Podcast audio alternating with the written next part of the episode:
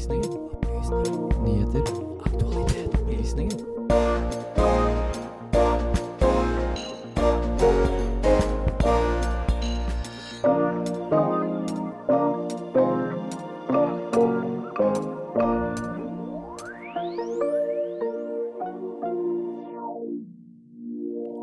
Storbritannias statsminister Liz Truss har gått av. Hun blir dermed den kortest sittende lederen i britisk historie. Norge leverer en tredjedel av all gassen til EU. Går vi mot et europeisk pristak, og hva vil det så si for Norge? En alternativ skole i Nederland gir elevene stor valgfrihet. Men hva er egentlig Agora-skolen? Vi blir fortalt at vi må gå 10 000 skritt om dagen. Men hvor kommer dette egentlig fra, dette rådet? Hør mer i opplysningen.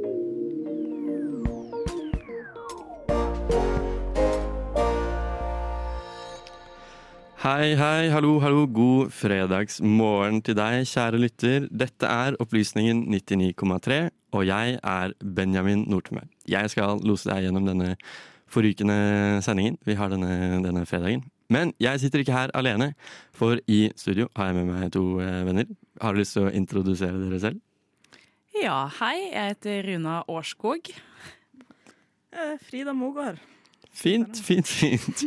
Frida og Runa og jeg, vi er her for å eh, gi deg samfunns- og aktualitet, eh, rett og slett. Er på Radio Nova. Vanligvis så pleier vi å si liksom eh, Vi pleier å stille Den første spørsmålet er veldig sånn ikke i saklig materie i det hele tatt, men hvordan vi har hatt det denne morgenen. Hvordan eh, var det å stå opp i dag, Frida? Det var kjempeflott. Jeg våkna opp og tenkte vet du hva, nå er det helg.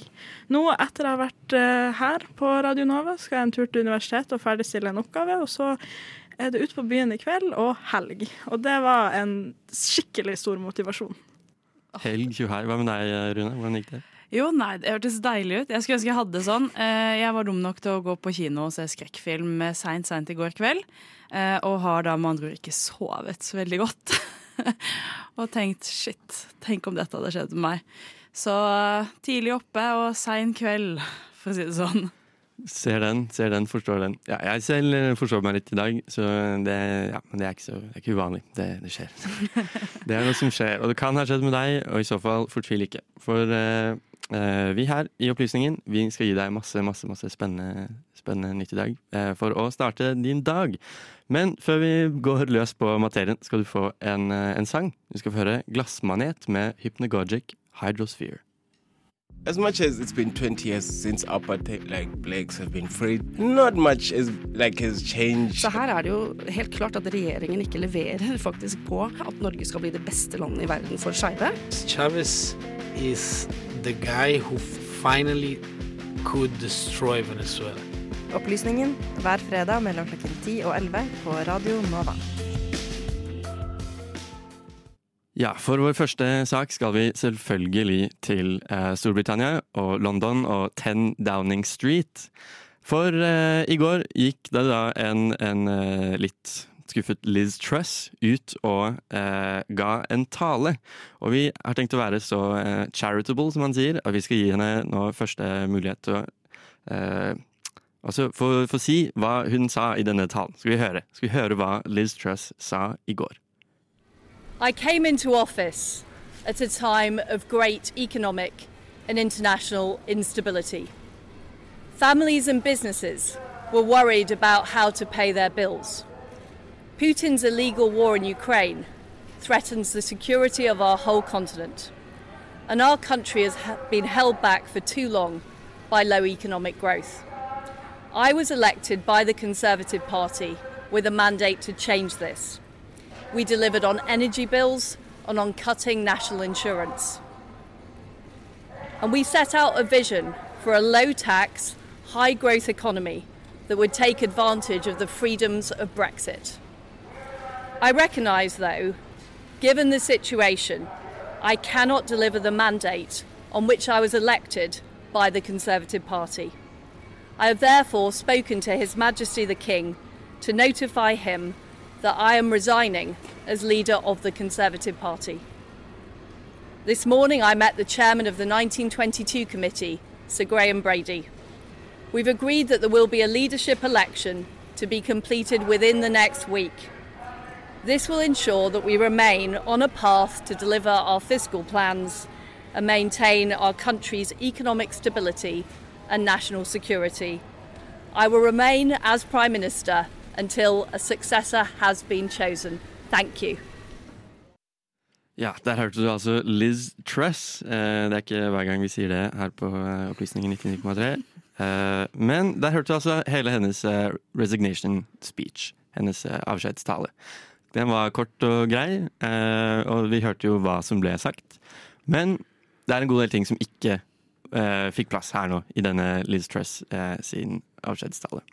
Det er blant annet at opposisjonspartiet Labour har 51% på meningsmålingene. Og det skal velges en ny leder i det konservative partiet, som skal fortsette å være statsminister. Noen vil kanskje se på dette og tenke at det er et eh, demokratisk problem. Er vi villige til å gå så langt her i studio i eh, Opplysningen 99,3 på en fredagsmorgen? Rune, hva tenker du? Om det er et demokratisk problem at eh, Liss går av denne gangen? um, ja, eller eh, Det blir jo ikke demokratiet som får bestemme en ny leder. Det har vi jo sett en gang før.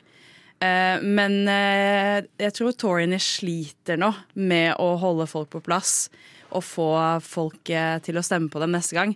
Eh, det er kanskje tvilsomt om det kommer til å skje i det hele tatt. Eh, så jeg tror demokratiet der borte vakler lite grann akkurat nå. Det kan virke som det er stor usikkerhet i det konservative partiet for akkurat hva det skal være for noe. At det ble med så slagkraftig og så måte, selvsikkert løftet frem Liz Truss som en, eh, en slags sånn redningsfigur, litt i eh, silhuetten av eh, liksom Margaret Thatcher, rett og slett. Og at det da går galt etter kun 45 dager. Eller at det kanskje har gått galt egentlig i løpet av de 45 dagene på ulike punkter og, og steder. Fordi det var jo da dette, kanskje det som har utløst denne snøballeffekten, er dette eh, såkalte mini-budget som ble eh, lansert. Kwasi Kwarteng og eh, eh, da Liz Truss. Kwasi Kwarteng var eh, chancellor of the exec...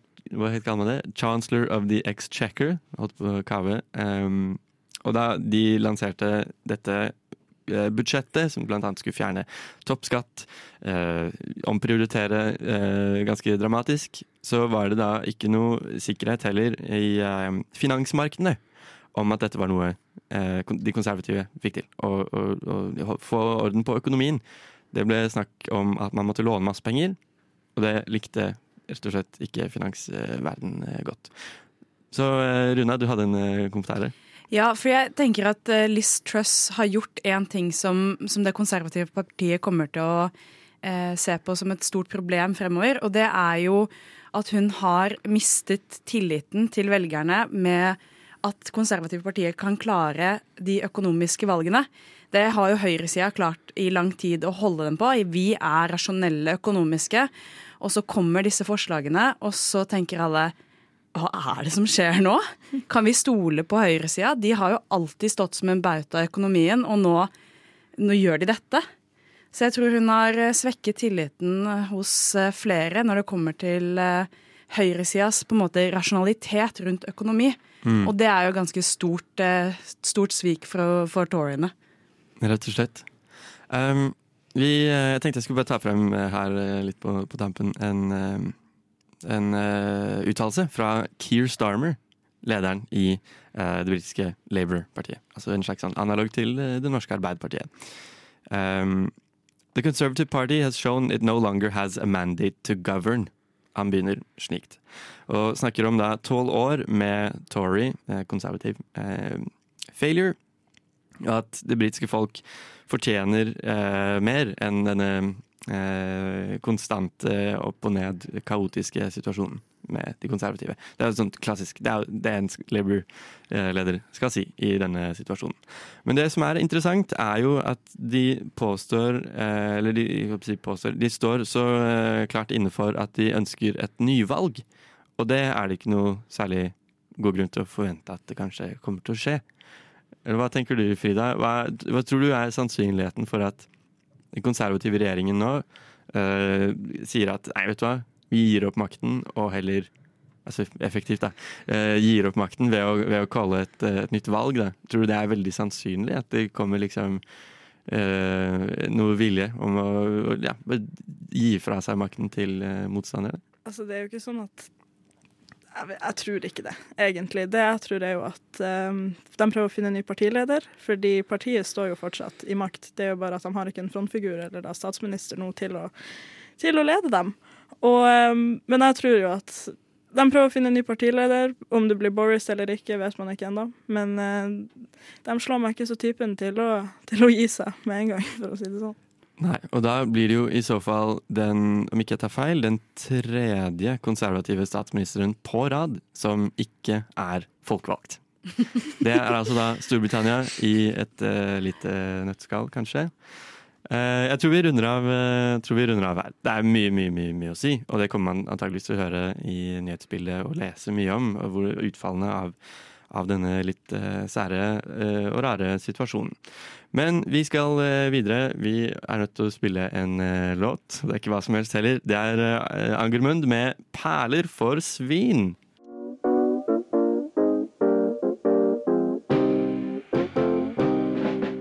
Hører på Radio Novas samfunns- og aktualitetsmagasin Opplysningen. Hver fredag fra klokken 10 til 11 på Radio Nova. Opplysningen på Radio Nova.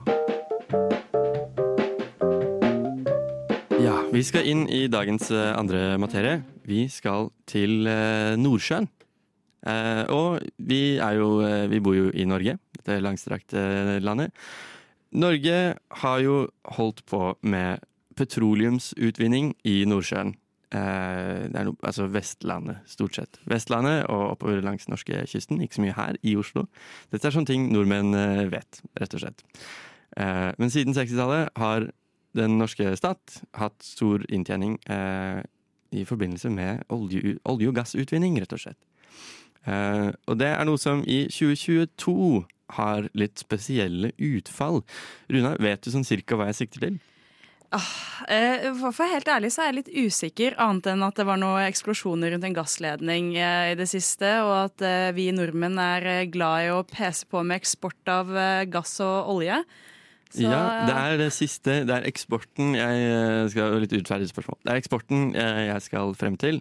For mens Europa som helhet er på leting etter gass og stabile kilder etter det ikke lenger var uh, verken politisk mulig eller regnet som sikkert å ha Russland som største gassleverandør, har Norge blitt Europas gasskran, rett og slett. Men Norge selger gassen til Europa til markedspris, og markedsprisen for gass er ekstremt høy, rett og slett. Dette fører til at den norske stat, rett og slett, norske petroleumsbransjen, som i stor grad er enten statseid eller svært eh, beskattet, ligger an til å tjene 900 milliarder kroner mer i år enn eh, i fjor. Det er det mange nede på kontinentet som eh, får litt eh, bakoversveis eh, av å høre, rett og slett. Så jeg tror vi skal rett og slett ikke drøye lenger og hoppe rett inn i Nordsjøen. Vi befinner oss i Nordsjøen, noen hundre nautiske mil ut på bøljan blå. Her er det værhardt, det er høye bølger, og opp av havet reiser de seg som gigantiske tårn av stål og betong. Petroleumsplattformene. Arbeidere går rundt i oransje selvlysende uniformer, beskyttelsesutstyr og harde hjelmer. Dette er offshore petroleum, den eneste sektoren av den norske økonomien som kan gå inn i nyåret med nesten syvdoblede inntekter. Olje- og energidepartementet anslår at norsk offshorebransje kommer til å bringe inn nesten 900 milliarder kroner mer i år enn vi gjorde i fjor. Det er et svimlende stort beløp. Nok til å dekke hele driften av Oslo kommune i 17 år på rad. Det har vært noen svært gode tider for den norske olje- og gassnæringen. Og kundene som kjøper norsk gass, er primært våre europeiske naboland. Vi har nesten 9000 km med rør som kobler oss til bl.a. Tyskland, Danmark, Nederland og Storbritannia. Og her har pipen en litt annen lyd. Vi er på tale om energimangel, høy inflasjon og selvfølgelig krigen i Ukraina. Er det galt av Norge å kreve en så høy markedspris når Europa trenger hjelp? Når Russlands gass er vekk, er det vi som da casher inn på Putins krig? Det begynte med at energiministre i 14 EU-land, deriblant Frankrike, Italia, Spania og Polen, undertegnet et brev som var adressert til Ursula von der Leyen, EU-kommisjonens president. Stikkordet var pristak, eller price cap, en øvre grense for prisen av gass, både på import og for landene seg imellom. I finans- og energiverden sier man gjerne at prisen på gass er utrolig avgjørende for hva energi og strøm koster, mer helhetlig. Alle industribedrifter betaler jo sine energiregninger for å gå rundt. Logikken er at når energi blir dyrere, ja, da stiger alle priser på alt. Enten det er biler, kaffe eller frossenpizza. Dette er inflasjon, med andre ord. I tillegg brukes jo selvfølgelig gass til å varme opp europeiske hus over vinteren, men det tror jeg du er kjent med fra før av. Dersom EU skulle innføre et pristak, ville det naturligvis fått konsekvenser for Norges inntjening i Nordsjøen. I september kunne vi lese at verken regjeringen Støre eller Høyre i opposisjon ønsker noe slikt. Men mye tyder likevel på at Norge og EU må til forhandlingsbordet før eller siden. På en eller annen måte. I går kom EU-kommisjonen med en helt ny energipakke. En sammensatt plan for å få bukt med den økonomiske usikkerheten som er forårsaket av krigen, og lavere gasstilførsel.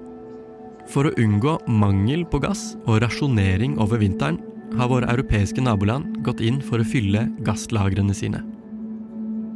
Ifølge Andreas Steno Larsen i Macrobond er risikoen for gassmangel i løpet av året egentlig veldig lav. Mye arbeid og koordinering har brakt Europa på en felles kurs mot dette målet. Det kommer jo ikke av seg selv.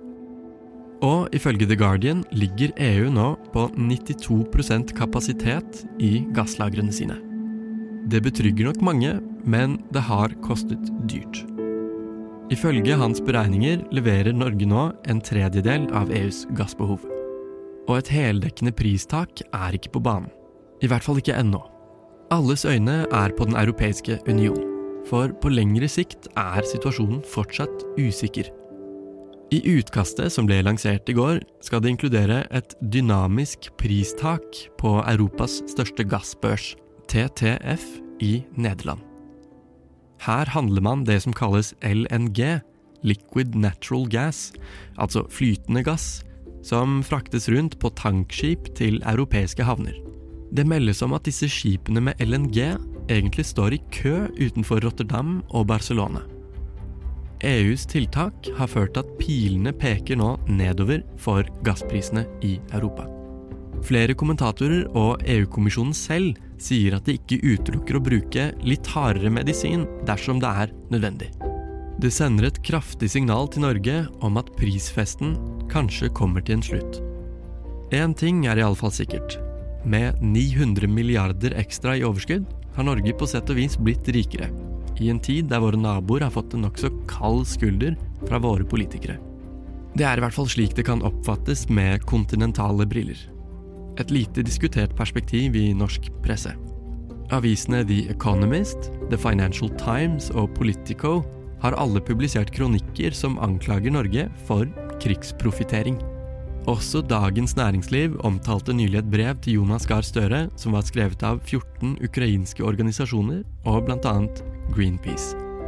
Fra den ukrainske advokaten og klimaaktivisten Svitlana Romanenko lød budskapet slik.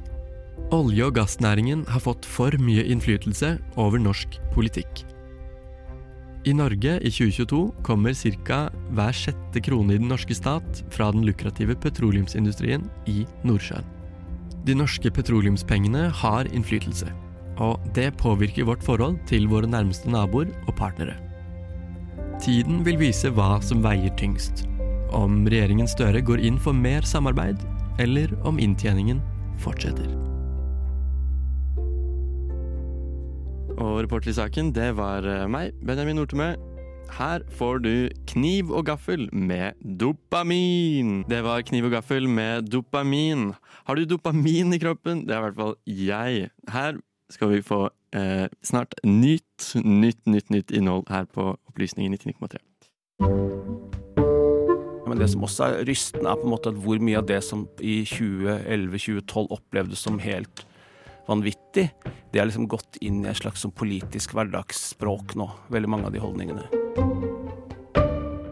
Radio Novas samfunns- og aktualitetsmagasin gir deg historiene, sakene og debattene andre overser. Aldri redd, alltid balansert. Ja, det er fredagen, og det går litt eh, fort eh, i svingene. Eh, vi skal inn i det nye nytt, eh, nytt materie, holdt jeg på å si det samme igjen. Nytt, nytt, nytt. Runa, du har jo vært, eh, i hvert fall konseptuelt, i Nederland. Du har ikke vært i Nederland til denne, i forbindelse med denne reportasjen? Det hadde vært gøy. Ja, det hadde vært gøy. Kan vi få til det? Kan vi ringe noen? Og kan man søke om penger noe Til å sted? sende meg dit. Gjerne. Eh, du har jo sett på en skole. Det er ikke så ofte vi gjør her i Opplysningen 99,3. Og at vi tar for oss det utdannings... eh, og kanskje utdanningspolitiske også, som gjør. Nei, det er jo litt spesiell skole, da. Er ikke, den er ikke som skoler flest. Mm. Den eh, gir barn litt mer frihet, eh, noe som jeg tenker kan være litt eh, interessant å se på. Ikke at det nødvendigvis hadde gått i Norge eh, enda. Da må vi endre en del politikk. Men eh, det er likevel spennende å se hvordan andre land løser ting. For vi snakker altså om Agora-skolen. Mm. Var det riktig? Stemmer. Stemmer. OK. La oss eh, høre på hva du fant ut, tror jeg. Tror, det er, eh, tror ikke det er så mye mer å gjøre enn å høre hva vår reporter Runa Årskog tok eh, og fant ut. Vi befinner oss i et stort, åpent rom. Her inne er det høyt under taket.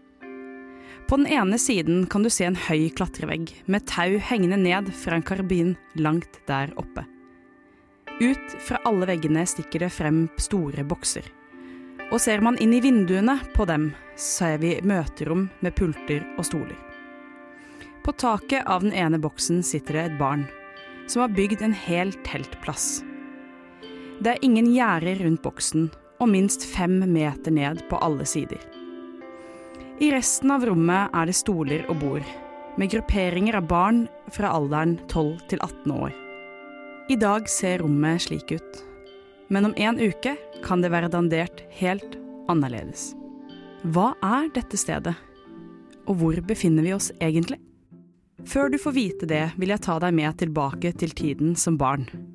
En tid der lek og moro sto i sentrum. Kanskje var du den som elsket å demontere ting og finne ut av hvordan ting fungerte. Eller du samlet på rare ting du fant i skogen. Kanskje klatret du høyt opp i et tre for å få oversikten over alt som befant seg der nede. Eller du har mest glede av å dykke ned i en bok og forsvinne inn i en annen verden. Uansett hva du likte å gjøre, var det noe inni deg. En nysgjerrighet som drev deg videre. Denne lekenheten og nysgjerrigheten er en iboende egenskap hos de aller fleste pattedyr. I lang tid har det vært roten til hvordan vi lærer. Du kan se det hos kattunger som lekeslåss og angriper hverandre for å lære seg å jakte.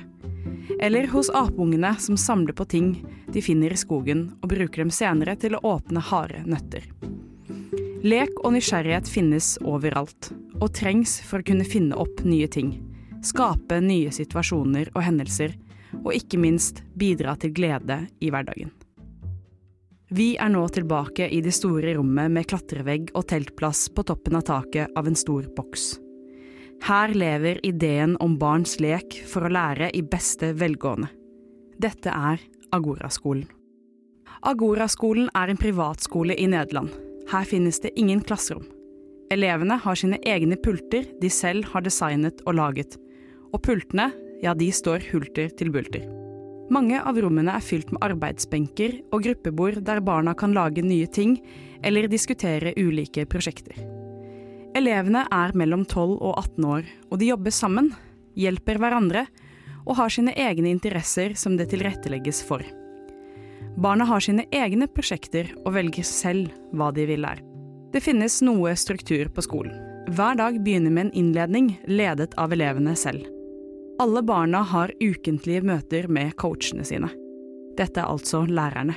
På disse møtene hjelper coachene dem med å strukturere uka, og sette opp en plan for hvordan de best skal nå sine mål. Og historier om barn som har fått livene sine snudd på hodet, er mange. En av elevene ved navn Brent forteller at han etter en periode med dårlige karakterer ble anbefalt å bytte til yrkesfaglig skole. Brent selv ble både lei seg og sint over beskjeden, og hadde egentlig bestemt seg for å droppe ut og begynne å jobbe på McDonald's. Men litt tilfeldig endte han heller opp på Agora-skolen. Etter å ha gått her i noen år hadde han lært seg alt det var å vite om atombomben, begynt å skrive på diverse forretningsplaner og lært seg å snakke tysk. Resultatet ble at han kom inn på Mondragon-universitetet i Shanghai, helt uten vitnemål. Og Brents historie er ikke unik, og det er nok heller ingen som tviler på at barn lærer gjennom lek. Men er dette den beste måten å lære på for alle? På de aller fleste skoler i verden i dag finnes det felles læreplanmål som barna skal kunne oppnå. Systemet er lagt opp slik at barn skal kunne ha en grunnleggende forståelse i alle fag. Det bygger på at man skal score godt over flere fag for å kunne komme inn på en videre utdanning. Uansett om denne utdanningen krever disse forkunnskapene fra absolutt alle fagene.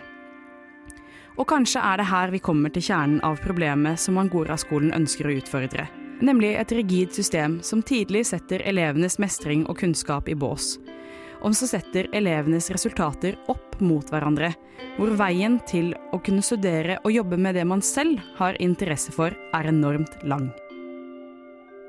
Men uansett om du syns Agora-skolen virker som en god idé eller ikke, beveger vi oss sakte, men sikkert mot litt mer valgfrihet for barn. I de senere årene har det vært innført flere valgfag ved skolen. I tillegg til dette har flere skoler gått over fra klasser til å fungere som en baseskole der hele trinnet opererer som én stor gruppe.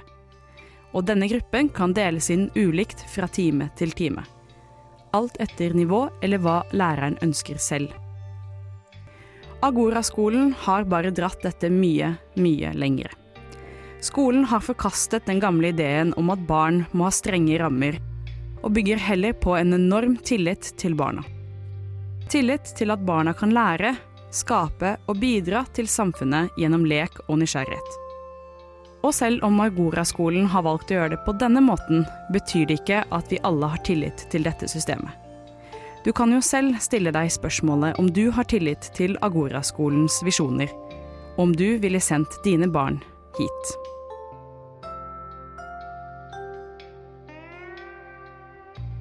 Og der hørte du eh, Runa Årskog med denne reportasjen. Du skal få høre en låt her på lufta. Du skal få Blikkfang med Lille Ski. Blikkfang med Lille Ski her på Radio Nova. God dag og god fredag. Hjertelig god fredag morgen. God morgen, god morgen, god morgen og god morgen. God morgen og velkommen til Opplysningen, Radio Nova sitt samfunns- og aktualitetsmagasin. Med opplysningen 99,3 på øret, ja, da blir det en god fredagsmorgen. Opplysningen 99,3 hver fredag fra 10 til 11 på Radio Nova. Det er så riktig som det får blitt. Du hører fortsatt på Opplysningen 99,3 her på Radio Nova. Og vi har eh, noe nytt å ta for oss. Eh, vi blir jo fortalt at vi skal gå mange skritt. Og eh, ofte, eh, i min erfaring, så har jeg hørt 10 000. Dette litt magiske, men runde og fine og høye tallet å forholde seg til. 10 000 skritt skal man gå hver dag for å unngå diverse helserelaterte uh, plager og ulykker. Um, hva med dere? Er, nytt, er det nytt for deg, Frida? 10 000 skritt? Du har vel hørt det før, har du ikke det? Jeg har hørt det, og det er jo noe man prøver å leve opp til. Jeg vet ikke? Det, er noe man si. Det er jo et ideale, nesten. Det jo Nei, det, man har jo hørt det og fått beskjed at sånn, vil du være sunn og vil du være i ordentlig god helse, så prøver du å gå 10 000 skritt, og så skal du skal hjertet ditt være bra og lungene dine være bra, er det ikke det man? Ja, for vi har jo masse moderne teknologi som kan fortelle oss litt eh, om hvor aktive vi er, og vi, hvor, og hvor mye vi beveger oss, eksempel. Så eh, har man jo en eh, eh, Hvis du har en iPhone, så har du en sånn helseapp. Jeg har sjekket her nå at jeg har gått 1600 skritt i dag. Det er greit, det. Sånn, jeg gikk hit til eh, kontorene våre, så det er kanskje det som Ja, det er det. Det er bare én sånn søyle på den. på den grafen. Men jeg lover at jeg skal prøve å gå skal vi se, 8400 skritt mer. Og ikke et skritt over, for jeg er sånn som ikke Jeg gjør akkurat det som kreves, og ikke, og ikke mer. Men eh, eh, vi er vel kanskje ikke så godt kjent med hvor dette kommer fra. Det er det jeg, jeg liksom sitter og lurer på. Det var det noen i redaksjonen vår også satt og lurte på. Og ville prøve å finne ut hvor er dette 10 000-målet fra?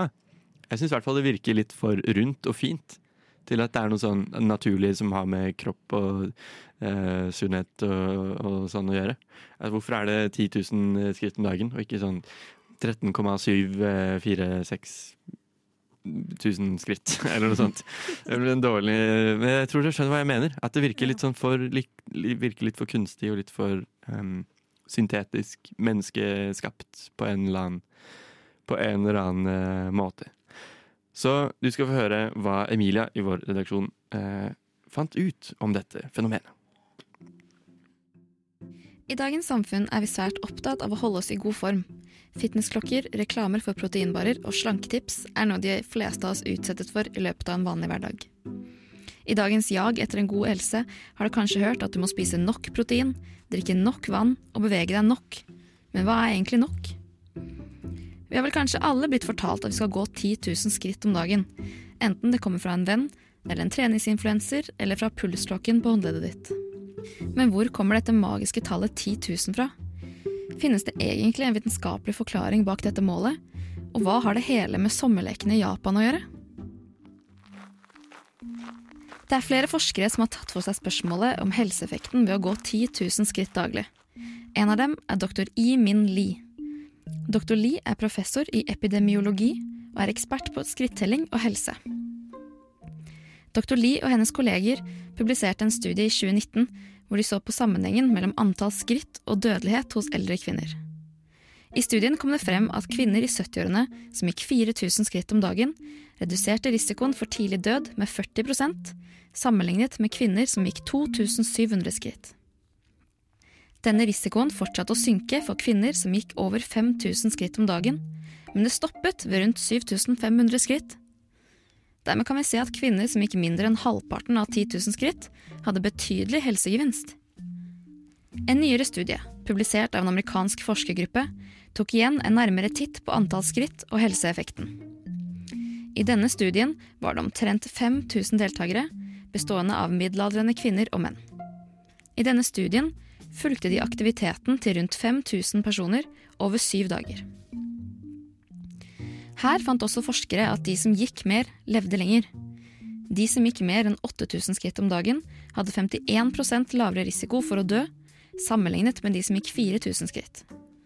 Men de som gikk 12 000 skritt, reduserte denne risikoen med 65% Men hvis det viser seg at målet om 10 000 skritt daglig ikke er hentet fra forskning, hvor kommer da dette magiske tallet fra? For å finne ut av dette må vi reise tilbake til 60-tallets Japan. Året er 1964, og sommer-OL har nettopp blitt avholdt i Tokyo.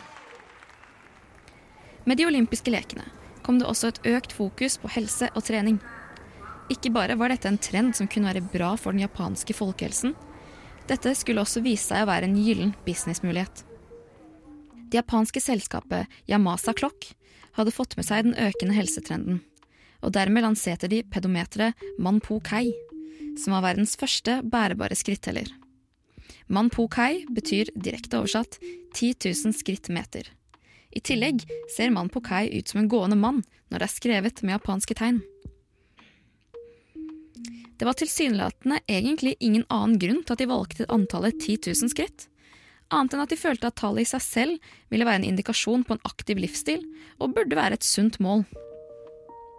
Et forskerteam ved Kyushu University of Health and Welfare undersøkte senere de potensielle fordelene ved å ta 10 000 skritt. De konkluderte med at den gjennomsnittlige japanske personen ville tatt mellom 3500 og 5000 skritt om dagen. Dersom disse menneskene ville tatt 10 000 skritt om dagen, kan det tenkes at de ville kunne redusere risikoen sin for hjerte- og karsykdommer. Som vi kan se, er det vanskelig å finne et konkret treningsmål som skal passe hele befolkningen. Linda Hildegard Bergersen, som er professor i fysiologi ved Universitetet i Oslo, uttalte seg om temaet til forskning.no. Bergersen sa her at forskere er enige om at trening er bra for helsa, men når det kommer til hvor mye trening vi trenger, er det usikkert. Videre viser Bergersen til at man innen medisin i løpet av de siste årene har blitt mer klar over at en del legemidler bør tilpasses til enhver person. Kanskje det også er slik med fysisk aktivitet? At fysisk aktivitet og trening er bra for helsa, det kan vi ikke stikke under en stol. Som vi kan se, finnes det data for at dødeligheten synker når man går flere skritt. Men akkurat hvor mye aktivitet vi skal være i, blir kanskje for individuelt til å kunne samle under ett generelt råd. Hvorfor forholder vi oss da fremdeles til målet om 10 000 skritt? Kanskje vi rett og slett ser resultatet av god japansk markedsføring fra slutten av 60-tallet. Hva fasiten er, finner vi kanskje aldri ut av, men at fysisk aktivitet er bra for helsa, det kan vi alle være enige om. Det kan vi alle være enige om. Der hørte du eh, reporter Emilia Haaland Johansen med denne reportasjen. Du skal få høre en ny låt. Her får du Thea and the Wild med Poisoned Apple. Det var Thea and the Wild med Poisoned Apple du hørte her på Radio Nova. Og så bruker han jo da også i forlengelsen av det dette ordet terrorist. ikke sant? På sett og vis er jo det USAs store gave til verdens eh, autoritære Finne et litt mer, litt mer nyansert språk der. De arabiske statene prøver å føre en sånn politikk hvor de kan støtte palestinerne i retorikk, men i praksis holde seg egentlig unna konflikten. Radio Novas samfunns- og aktualitetsmagasin Opplysningen gir deg historiene, sakene og debattene andre overser. Aldri redd, alltid balansert. Ja, vi har kommet til eh, kan kalle det dagens siste, siste punkt, rett og slett. Og så er det slik at jeg har nettopp eh, lært om eh, sirkelkomposisjon. Så jeg tenker vi skal bare kjapt oppsummere hele denne sendingen. I tilfelle du eh, bare har, tunet inn nå, har stilt inn radioen nå, og dette er det du kommer til. Eh, vi pratet om eh, Storbritannias statsminister Liz Truss. Hun har gått av, og hun blir dermed den kortest sittende statsministeren i britisk historie. I hvert fall moderne historie, så vidt eh, meg bekjent. Så snakket vi om eh, Norge og gass til eh, Europa, og hvorfor det er eh, potensielt eh, politisk og utenrikspolitisk eh, spesielt, rett og slett. Vi var innom en alternativ skole i Nederland. Vi lærte masse om Agora-skolen. Og vi hørte her helt på tampen om eh, 10 000 skritt om dagen-regelen. Jeg, ikke, jeg ante ikke at det var eh, forbundet med, forbundet med eh, OL i Japan. Det skulle sjokkere meg eh, stort og mye og meget. Vi har jo da kommet til siste punkt.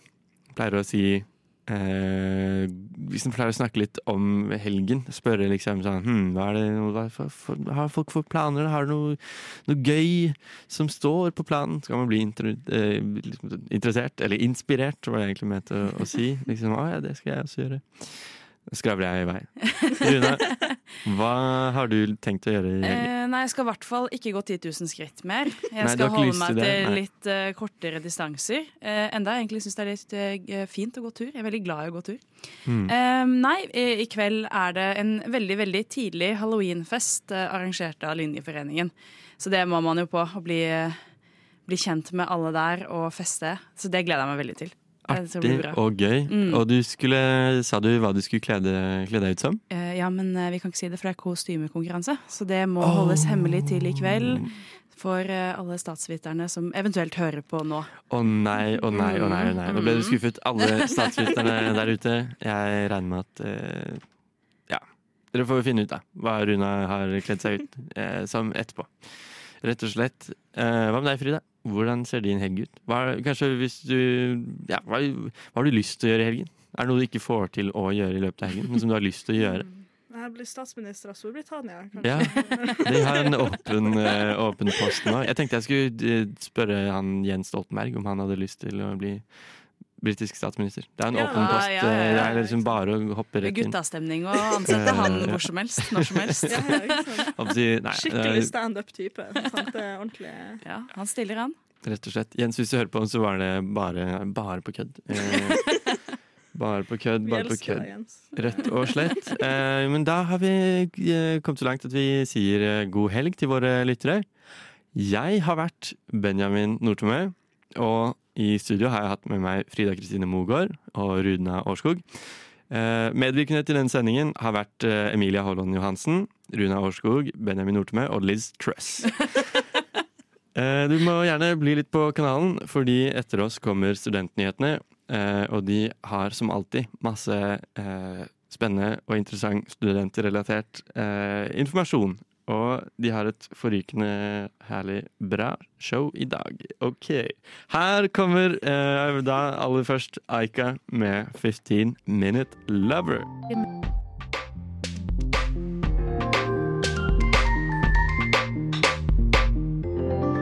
Du har hørt på en Radio Nova-podkast. Du finner flere podkaster i din foretrukne podkastavspiller eller på vår hjemmeside radionova.no.